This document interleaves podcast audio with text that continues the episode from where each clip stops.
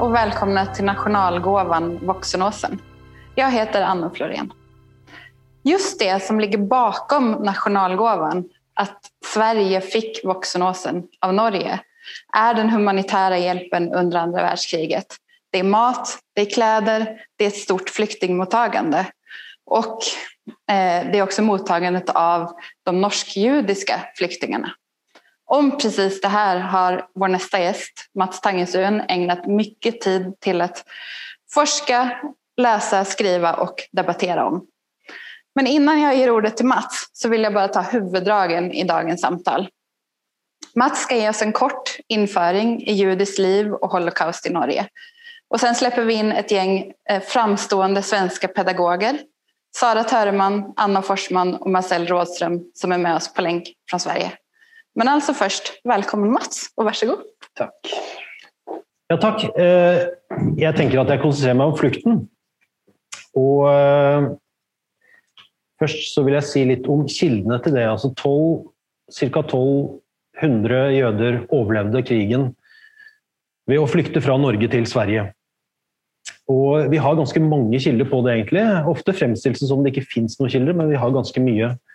Eh, det som er viktig når det gjelder hva vi har av kilder til holocaust i Norge, og også flukten, det er at eh, vi vet jo at det finnes folk der ute som mener at dette her ikke har funnet sted. og Da er Norge et veldig godt eksempel, fordi den gruppen flyktninger og gruppen jøder i Norge er såpass liten at vi har data på absolutt alle sammen. Og vi har eh, arrestasjonspapirer, vi har veldig mye. Når det kommer til flukt, så har vi selvfølgelig grensepasseringer, lister på svensk side. Vi har avhør både med svenske politimyndigheter, altså med landsfiskal. Vi har eh, avhør med norske myndigheter i Sverige, norske eksilmyndigheter. Eh, men vi har også et stort antall, eh, stort antall intervjuer som ikke har blitt benyttet så mye i det siste. Vi har en del intervju som er gjort på 90-tallet, på begynnelsen av 2000-tallet. Jeg selv, eh, ved min jobb ved Jøs museum i Oslo, har intervjuet ca. nærmere 40 av de flyktningene som flyktet. Det er et arbeid jeg jobber med nå, å sammenstille mye av den informasjonen som dukker fram i disse intervjuene. Eh, og få systematisert litt mer, fordi mengden er så stor at man kan nesten begynne å gå fra kvalitativ til å se på det kvantitativt. Så det fins en god del kilder. Hvis vi ser på den grafen her, som er en graf jeg laget for mange år siden, og som er eh, litt utdatert, men som fungerer helt fint. Eh, som tar for seg det lenet hvor de fleste norske jødene, eller jødene fra Norge flyktet over. Så ser man at det er en hovedvekt av kvinner og det er ikke rart, fordi den første arrestasjonen av mennene 26.10 den kom mye mer uventet. Mens arrestasjonen av resten, kvinner og barn, 26.11. Uh, kom det mer varsler ut i forkant. Og en del hadde rukket å, å, flykte. Men dere ser også at uh, de aller fleste flykter i desember. Det er desember som er den store fluktmåneden. Altså etter arrestasjonene den grafen, Det som ligger bak denne grafen, her er egentlig ganske mange ting. for Det viser at det er, eh, de som flykter i desember, de må ha vært et sted før de flykter. Eh, de må ha gått i dekning i Norge før flukt kunne eh, ordnes. Vi skal snakke litt om hvordan dette her kan være relevant senere. Men jeg tenkte uansett at hvis vi har denne grafen her i minnet, at de aller fleste flykter etter arrestasjonene, så har jeg tatt fram et dikt her eh, som er fra Warsan Shire, som er en eh, britisk-somalisk lærer og poet. Og Det diktet her heter 'Home', og det er bare et utdrag. No one leaves home unless home is the mouth of a shark. You only run for the border when you see the whole city running as well. You have to understand that no one puts their children in a boat unless the water is safer than the land. Og I disse utdragene så føler jeg at eh, vi faktisk har noe av forklaringen til hvorfor folk venter lenge med å flykte. Og så er det veldig mange andre eh, faktorer som spiller inn, men dette her er viktig. Eh, at som regel så flykter ikke mennesker før det er absolutt helt, helt nødvendig. Jeg prøvde å sette opp noen faktorer her som spiller inn hvis man ser på flyktningene selv, eller de potensielle flyktningene, som jeg har kalt det her. Ting som man måtte tenke på, enten da man ble flyktning eller ikke. Og, og I det første så ser dere om situasjonsforståelse. Uh, så er det først hvem er i fare. Det er helt tydelig når man leser kildene og, og hører på intervjuene, og også som jeg glemte å nevne i stad, eh, det fins faktisk også en viss, memoir, altså en viss andel memoarlitteratur. Eh, at det var en forståelse av at de som kunne være i fare, det var menn. Og menn på en måte i vernepliktig alder, det er noe liksom eh, krigstypisk ved det, at de er mest i fare. Og at svært få kunne ane eller forstå at også kvinner og barn var i fare når man var født og oppvokst i et uh, demokratisk og, og, en rettsstat som Norge var. Uh, det neste punktet er hva innebærer en arrestasjon? Og Der finnes det også en del kilder på hva folk har tenkt. Uh, en kilde som jeg syns er veldig talende, er Robert Levin, pianisten Robert Levin, som kom seg i dekning og var på dekning på, på Gaustad sykehus. Nei, unnskyld, sjette avdeling på Ullevål. Og kom i prat med, eller hadde daglig konferanse med overlegen der, en overlege som het Håkon Setre, som hjalp mange jøder i dekning. Sykehusene ble viktig i starten for å holde folk i dekning. Eh, Håkon Setre ble senere skutt på Akershus festning i, i 1945, altså noen måneder før freden. Men eh, i et intervju i 1970 så gjengir Robert Levin denne samtalen han hadde med Håkon Sætre. Hva tror du vil skje? Og Håkon Sætre ønsker jo å få Robert Levin, altså få pasienten sin til å flykte til Sverige, rett og slett fordi han har så mange jødiske menn i dekning at han skjønner at falske diagnoser ikke hjelper over tid. Det blir for synlig. Men det han sier da, ifølge Robert Levin, er uh, i verste fall så blir dere fengslet eller internert til krigen er slutt. Eh, og at man skulle bli fengslet og internert i Norge, det tror jeg var eh, noe ganske mange trodde. Men ikke så veldig mye mer utover det. Dette måtte da veies opp mot represalier mot familiemedlemmer. Eh, fordi det kommer lover 12.10.1942 som har mye å si. Da kommer det 38 nye forseelser man kan få dødsstraff mot, eller for, som, som okkupasjonsmakten innfører. og Dette blir slått stort opp. Eh, det er mye forskjellig. Det er dødsstraff for å lytte på radio, det er dødsstraff for å spre illegale aviser. Før så har det vært dødsstraff for å flykte til England, som jo da er en fiendtnasjon. Men nå blir det også dødsstraff for å flykte til Sverige, som er et nøytralt land. Utover at det er dødsstraff for å flykte, så står det også at man må regne med at, at, at represalier vil bli gjort mot gjenværende familiemedlemmer, og til og med nære venner. Og det får selvfølgelig folk til å tenke at øh, altså, Når du vurderer en flukt, så vil du da også tenke hvem er det det kan gå utover. Jeg har også satt opp et siste punkt her. Uh, hvor lenge varer krigen? Og Det dukker også veldig mye opp i kildene fra, altså de samtidige kildene, også i dagboksnotater, men også i memoarlitteratur, at det veldig mange høsten 1942 går rundt og tror at krigen i Norge snart er slutt. At det vil komme en avgjørende, skje noe avgjørende innen, innen to måneder. Det tror også her i Norge deler av den militære motstandsbevegelsen. De er forberedt på å ta imot en alliert invasjonshær som de skal hjelpe. og Det er det som på en måte er hovedoppdraget deres. Ligge i ro for å fungere som hjelpetropper. Eh, så det er klart at Når du veier disse tingene opp mot hverandre, så kan man tenke at eh, det ville være veldig dumt å bli arrestert under flukt og skutt rett før krigen er slutt. Jeg har satt noen under forutsetninger eh, og hva som måtte til for å, få, for å gjennomføre en flukt. Så utover det at man selvfølgelig oppfatter at det er en reell fare, eh, så er det dette med å få et pålitelig varsel. Det er ganske mange som nevner at de har fått at ikke-jødiske kollegaer har liksom ymtet på at kanskje de bør flykte. Eh, men det å få et pålitelig varsel, altså varsel fra noen du stoler på, som du skjønner medfører riktighet, eller er stor risiko for at det medfører riktighet, det er, eh, var for mange essensielt. Eh, så er det kontakt med hjelpere. Det er ikke så lett å flykte på egen hånd. Det ser lett ut i dag når vi ser kartet, og når vi ser liksom Nå kan vi ta bilen og kjøre til den svenske grensen ganske fort. Men da fjerner vi det at det nesten ikke var biltrafikk innover mot grensen på den tiden. Og at det ikke bare var å bevege seg inn i grenseområdene. Og så er det det med Hadde man mulighet for å flykte med hele familien? For mange så er det det de prøver på. De prøver å få med seg alle, nettopp pga. disse lovene. Som ved å få med seg hele familien, så vil de selvfølgelig kunne motvirke represalier mot gjenværende familiemedlemmer.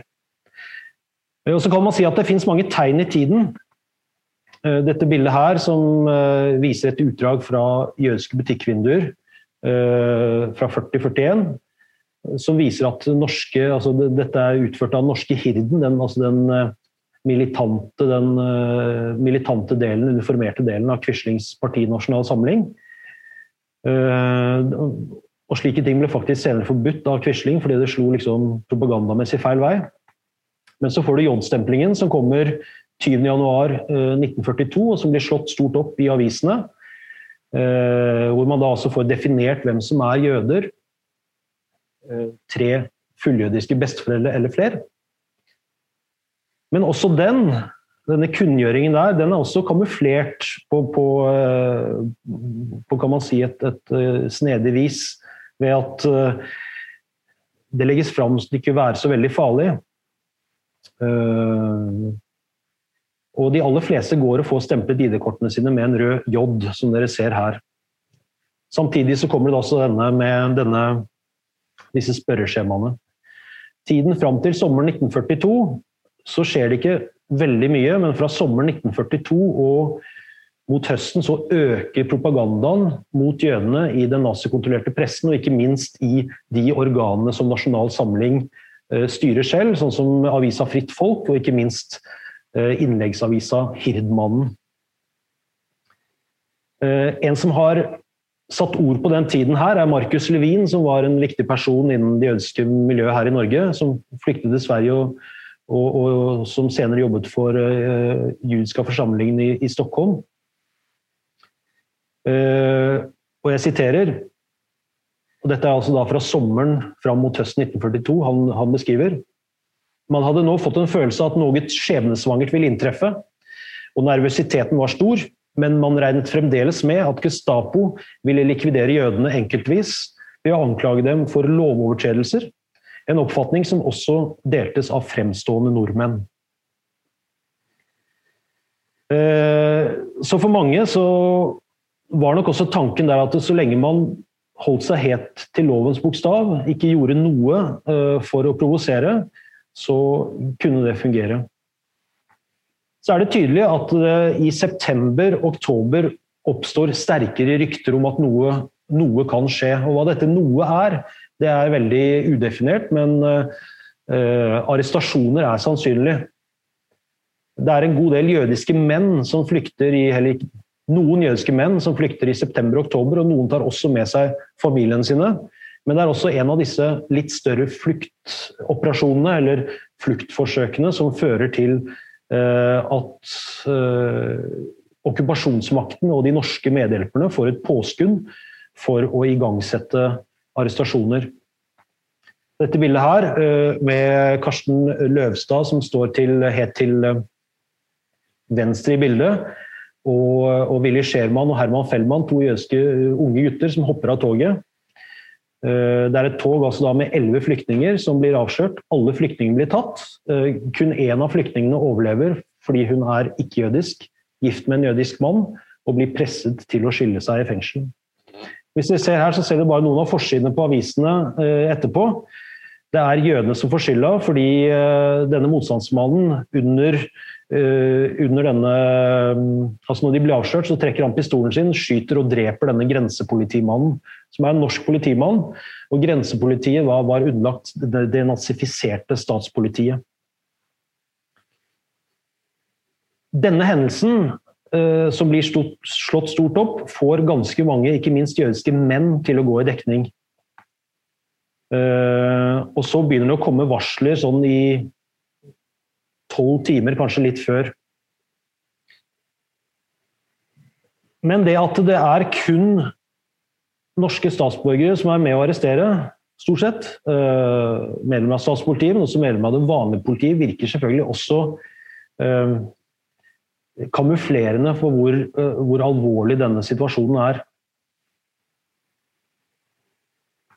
Selve, selve flukt, flukten, til, flukten, til, grensen, så møter på en måte flyktningene og de som klarer å komme seg unna, de som klarer å komme seg i dekning, de møter et apparat, forhåpentligvis, som ikke har kapasitet der og da til å påta seg å få alle over på en gang. sånn at Det fører, til at mange må ligge i dekning. og I november eh, ligger ganske mange i dekning rundt omkring i hovedstaden. Men eh, de aller fleste holder seg altså da hjemme i hjemmene sine frem til arrestasjoner av kvinner, barn og eldre eh, setter i gang 26.11. I det siste i debatter og sånn, så har det spesielt her i Norge har blitt debattert ganske mye nå etter den siste boken til Marte Michelet som kom i 2018. Jeg skal ikke gå inn i denne debatten her, men der dukker også opp det med kapasitet til motstandsbevegelsen. Eh, og Det som er uheldig i den perioden hvor Jøen skal flykte, det er at det sammenfaller med store opprullinger i de illegale nettverkene i Norge, og spesielt på Østlandet. Den militære motstandsbevegelsen med sine ruter ut fra Oslo har ca. en kapasitet på 8-10 flyktninger i uka, som jo ikke er mye.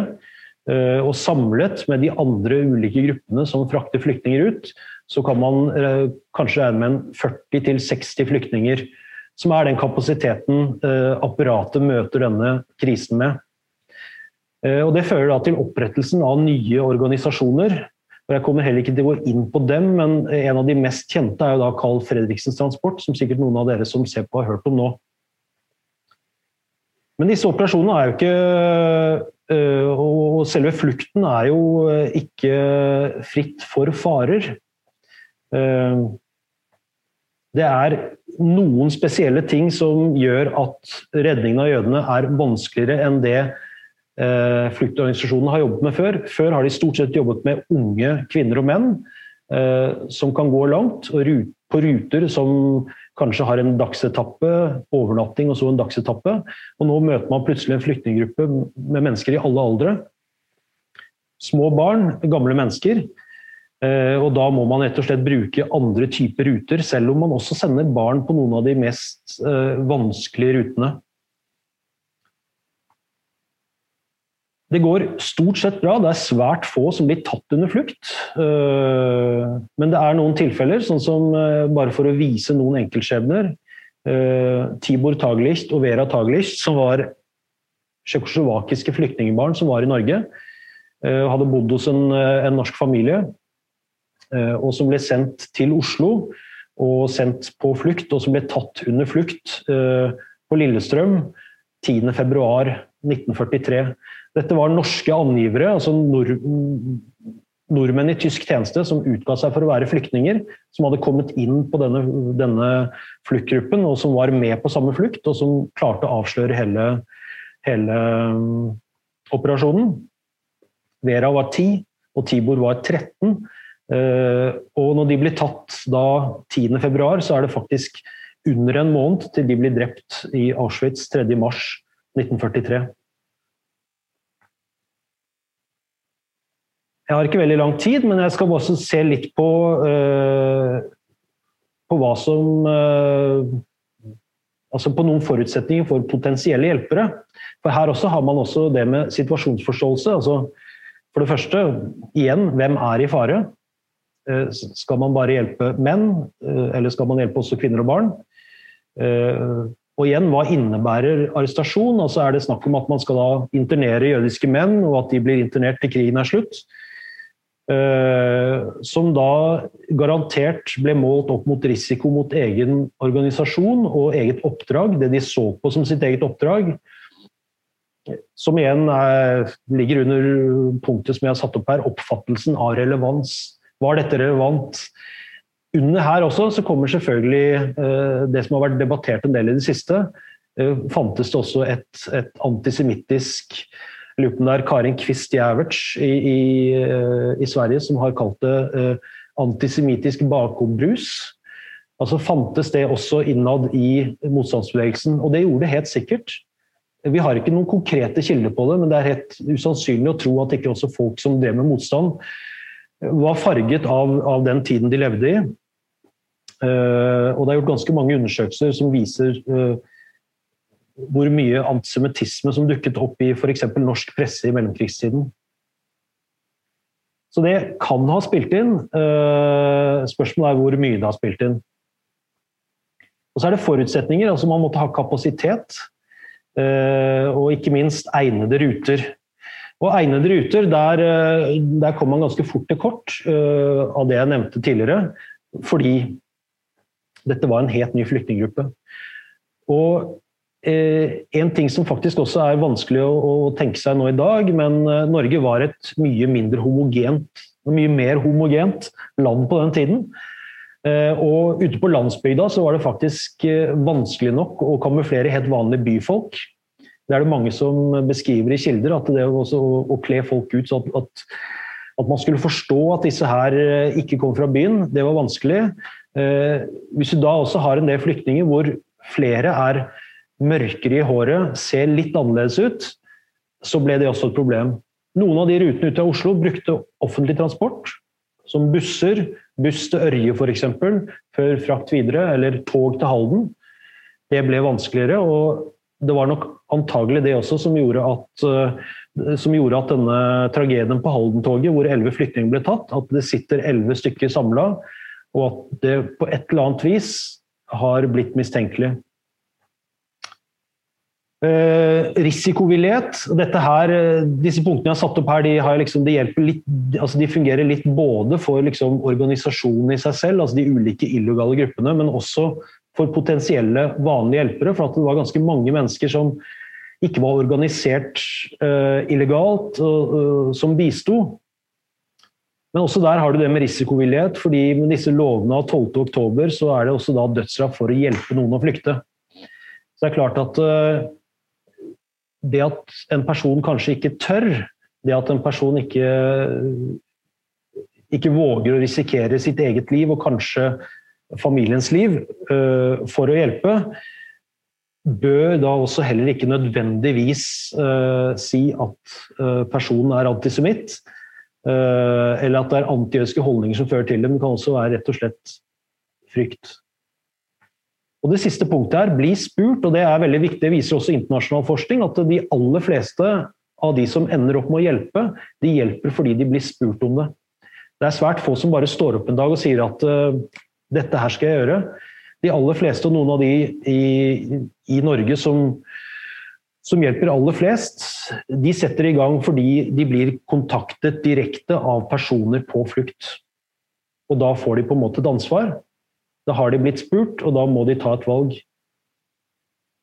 Så eh, det er en, husker jeg ikke, det er en kanadisk oppgave som heter 'The Importance of Being Asked', som ser på akkurat dette her med hjelpere.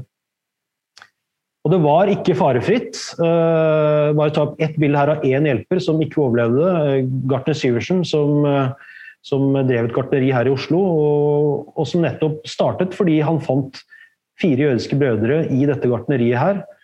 Eh, en morgen. Og som endte opp med å bli en del av en organisasjon som reddet ca. 350 jøder. Neste bilde her er eh, ikke et bilde han ville tatt selv. Eh, det er tatt på Møllergata 19 etter arrestasjon, og antagelig også etter at han har vært utsatt for tortur. Og denne Syversen han ble da skutt i slutten av oktober 1944.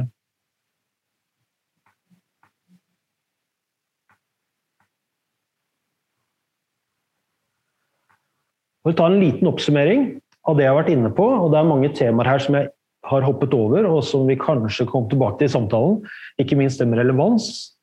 Eh, men eh, for en oppsummering, altså Og igjen, ofte fordi vi får spørsmål eh, på museet der jeg jobber, og under, når man viser folk rundt, og hvorfor flykter ikke folk tidligere? Jeg tror en av de viktige tingene er at det er umulig for de fleste å forstå at kvinner og barn var i fare. Det ser man i flere familier hvor bare mennene flykter, og hvor kvinner og barn blir drept. Eh, disse lovene, 12.10, er viktig fordi de kommer så tett på, og fordi de blir kringkastet så stort i aviser og alt. Og det igjen medfører frykt for represalier mot familiemedlemmer, som kan ha virket til at folk har tenkt at kanskje det beste er å holde seg i ro. Vanskelig umulig for de fleste å flykte uten hjelp. Det er folk som klarer å flykte uten hjelp, og det er folk som klarer å flykte med hjelp av naboer og helt vanlige, eh, helt vanlige eh, privatpersoner som ikke er tilknyttet noe eh, illegalt nettverk. Men det er også folk som får hjelp av mer eller mindre kriminelle grupper, som gjør det først og fremst for å tjene penger. Fordi flukt kunne koste masse penger, eh, og det er dokumentert at det er folk som betaler veldig mye for flukt. Eh, så også i Danmark. I Danmark har man jo funnet ut at eh, gjennomsnittpris for en dansk jøde under flukt var 1000 kroner. Men så er det dette med kapasiteten til fluktapparatet og de sterke ryktene om at krigen snart var slutt. Og så har jeg satt opp et siste punkt her som jeg ikke har, snakket om, ikke om men i 41 og i hvert fall fram til helt til slutten av 41, så er det jo ganske mange norske flyktninger som blir avvist på den svenske grensen. Også noen av dem er jøder. Eh, det er noen da som allikevel klarer å komme seg inn ved å gå inn i et annet len, fordi disse flyktningelovene er, kan tolkes forskjellig, og man møter på en landsfiskal som tolker dem litt mer liberalt. Eh, men det er helt klart at i miljøet så har folk også fått greie på det, at det har kommet folk tilbake fra grensen eh, fordi de ikke har fått lov til å krysse. Alle disse tingene spiller inn. Eh, ja, det var egentlig den raske gjennomgangen som kanskje holdt seg til 20, håper jeg. Takk.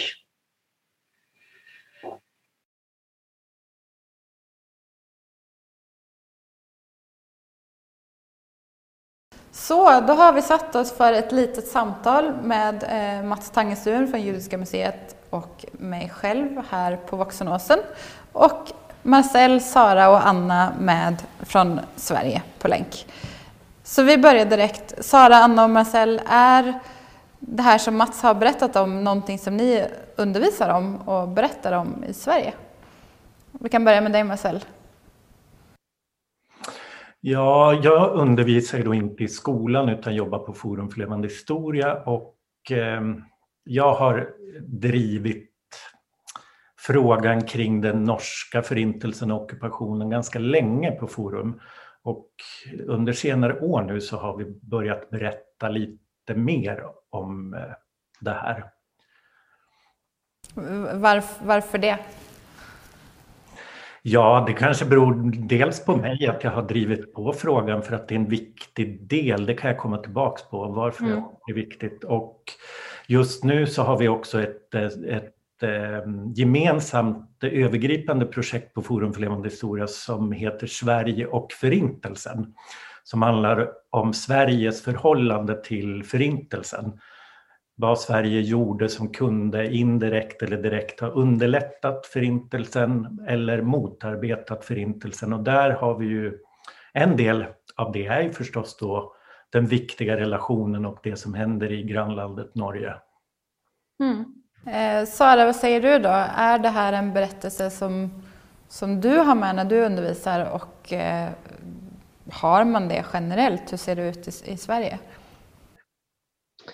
Jag skulle väl vilja säga att jag har ju undervisat i så många år och har kanske haft lite undran över just Norge och Sveriges relation som ibland blir lite överstökad med de här äh, transporterna i norr och sen så lämnar man det. Men har ju genom att jag fick följa med på en resa till er eh, i Norge förstått mycket som jag vill förmedla till mina elever, att det är så mycket större närheten, både kulturellt och geografiskt, som lägger många pusselbitar på plats, både för en förståelse för, precis som Marcel sa, förintelsens, eh, hur vi såg på förintelsen i Sverige och om vi kunde motverka, påverka, eh, men också förståelsen för vårt grannland Norge. som jag känner nu att jag har ett helt annat förhållande till sen jag har fått lära mig så mycket mer. Och det är pusselbitar som faller på plats. Och jag önskar ju att kunna ge det här till mina elever, att så småningom kunna göra eh, resor till Norge med elever. Det hoppas jag också. Hur, hur ser du på det, Anna?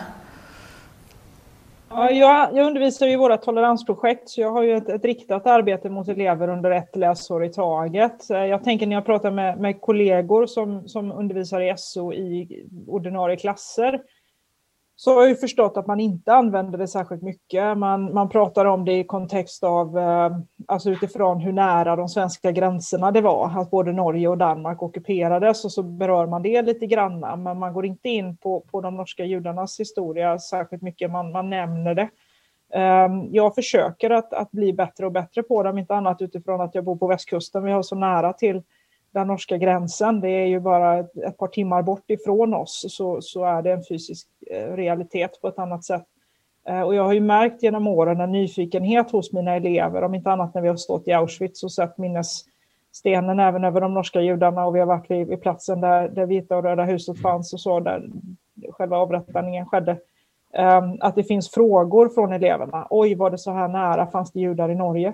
Ehm, så att jag ser ju potentialen i det. Jag har kollegor i, som jobbar i Värmland också som, som också har den här fysiska närheten till gränsen där det blir en självklarhet på ett annat sätt. Men jag tror att vi generellt, utifrån vad jag dömer på mina kollegor i alla fall, är ganska dåliga på att fånga upp det. Även i, i våra läromedel tycker jag att man passerar det liksom som, alltså utifrån ockupationen först och främst, men inte egentligen berör judarnas öde alls. Varför är det så då, tror du? Ja, um, det är svårt att säga, tänker jag. Um, jag vet inte riktigt, men uh, alltså, kanske kommer det i skymundan. Liksom man pratar, jag tycker man pratar generellt i våra läromedel om judarna som grupp. Mm. Mm. Um, och då, då, kanske man inte urskiljer det nationsvis så. Um, men får jag, får jag hoppa in där lite? Absolut. Gör det. Eh, min eh, tolkning och förståelse, eller vad jag anser, det är väl också att eh, lite generaliserande, men Förintelsen handlar ju också mycket om eh, undervisning både för, för uh, ungdomar, barn men även för vuxna att belysa de olika stegen som lever, leder fram till eh, ett folkmord. Man pratar om exkludering, man pratar om eh, beslagtagna tillgångar, man pratar om att deporteras eller förflyttas till getton och därifrån förflyttas till olika läger. Och det är klart, villkorat och skolan som också har stoffträngsel så är ju den norska förintelsen intressant tycker jag för att den har ju inte det narrativet. De norska judarna i de flesta fall flyttas inte till, en del flyttas till något fångläger i Norge men det finns ingen förflyttning till getton, det finns inte det här narrativet. Och därför kanske man också inte har den tiden att berätta, plus att man förmodligen har för dålig kunskap. Men däremot, och då skulle jag också vilja säga att då finns risken att förintelsen i Norge blir den bortglömda förintelsen. Ehm, och det är därför jag tycker den är så viktig att också visa att förintelsen gick inte till enligt samma mönster. Ja. Jag tänker också på det här, alltså det, jag gjorde en liten notering nu när jag satt och lyssnade på Mats genomgång. Tänker vi pratar så ofta om de här tre delarna av förövare, offer och åskådare. Eh, och jag tänker att med, med eh, hela den erfarenheten som Norge har av, av flykten till Sverige så får vi också in perspektivet av hjälpare. Eh, så att det gör den ju, alltså samtidigt som vi kanske väljer bort den då för stoffträngsel så, så har den också en, en vinst i sig som vi borde egentligen lyfta fram mycket, mycket starkare. Mm. Och där skulle jag kunna fråga Mats vad du säger, för att kan det också vara en, en del i, i Norge, Norges narrativ själv som har gjort att det inte får genomslag i Sverige? För narrativet i Norge har ju varit mycket vi blev ockuperad och vi gjorde motstånd. Helt klart, och, och jag vill säga att eh, mycket av det samma som ni säger gäller för Norge också, för intill få år sedan Uh, nå har man liksom disse snublesteinene rundt mm. omkring uh, alle små steder og store steder i Norge som gjør at uh, det er lettere å forstå. Men, men, jeg husker vi var i en større norsk by for noen år siden og la ned snublesteiner. Og de hadde sendt elevene sine til, til Auschwitz med busser i 30 år. uten å liksom ha diskutert at det, det, 19, altså det var 19 jøder her i byen som ble drept under krigen. Og nå ligger snublesteinene der. Så det, det, er klart, det har, eh, det har, mye å si. Jeg husker fra en tidligere samtale med deg, Marcel, så tenker jeg at det, det med de norske jødene, så jo, kan man jo i Sverige også gripe fast, eller gripe tak i at du har eh, et visst aktørperspektiv i Sverige også. Du har svenske diplomater og deres jobb. Eh, og du har også det når du kommer til grensen, liksom. Også F.eks. Carl Frengs Transport, som er den gruppen som tok over flest. De hadde svenske grenseoppsynsmenn som hjalp dem, og som noen ganger også var inne på norsk side. Så eh, det er kanskje lettere å ta tak i deler av den norske historien fordi eh, nettopp pga. flukten så blir Sverige mer enn også en eh, aktør. Da. Det er ikke noe som skjer langt vekk. Mm. Nej, men verkligen, och det är ju ett perspektiv som, som vi har jobbat med mycket här, eh, Voxenåsen och Forum för levande historia. I, för, för, det handlar inte bara om de enskilda hjälparna, också hur, mm. hur den svenska staten blir en aktör. Mm. Det finns exempel på folk som har försökt fly till Sverige, men då innan 1942, som blir stoppade och som slutar i Auschwitz, men där man sen svänger om och det får så stor betydelse. Eh, så det kanske var, kanske var för nära. Jag tror det ja, nei, jeg tror det skiftet er veldig interessant. og det er sånn som han eh, nå avdøde historikeren Paul Levine uh, kalte jo dette the bureaucratic resistance. Mm. Uh, men hvor du faktisk har noen av de samme personene innen svensk UD som i 1938 er på denne Evian-konferansen. og som de fleste andre land, inkludert Norge, forsøker å si at vårt land passer ikke som et flyktningland. Og så har du de samme personene som da er aktive i Norge sein høsten 42, begynnelsen 43, for å prøve å redde så mange som mulig. Mm. Det er interessant. Jeg tenker også, jeg vet ikke hva eh, våre lærere her i skolen tenker, men det er også en del som også steller til det kring det svenske narrativet og den svenske selvbilden.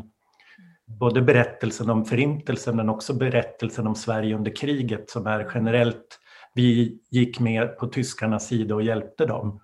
Medan det finns många historier som just har med till exempel då flyktinghjälp från Norge på individnivå, till slut också statlig nivå. Och vi har ju även också svenskar som faller offer i Förintelsen, mm. som gifter sig till exempel i Norge och mm. blir då deporterad från Norge. Det, det, nämnde du speciellt Sara när vi pratade inför det här, just hur, hur drabbande det kunde vara att att det stod barn som pratade svenska på, på kajen i Oslo och faktiskt blev deporterade.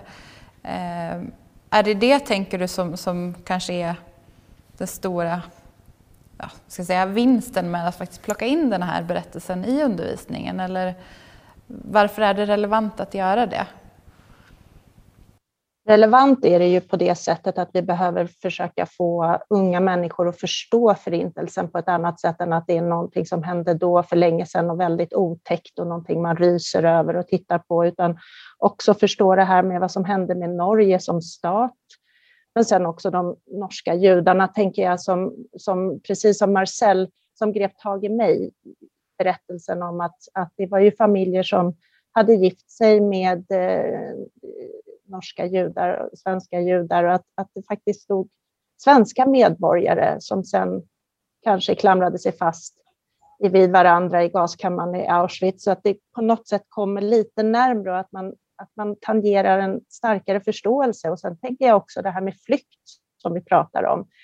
Eh, olika sätt att hantera det och att vara en hjälpare i, för människor i flykt, att det är någonting som är otroligt viktigt även idag. Idag har vi ju många barn som känner igen sig i flykt. Att det finns många, många saker vi kan beröra, komma närmre. Men också förstå att Norge så nära var ett, en rättsstat som, som blev invaderat, vårt grannland, vårt broderland. Och att det finns ett hot mot demokratin idag.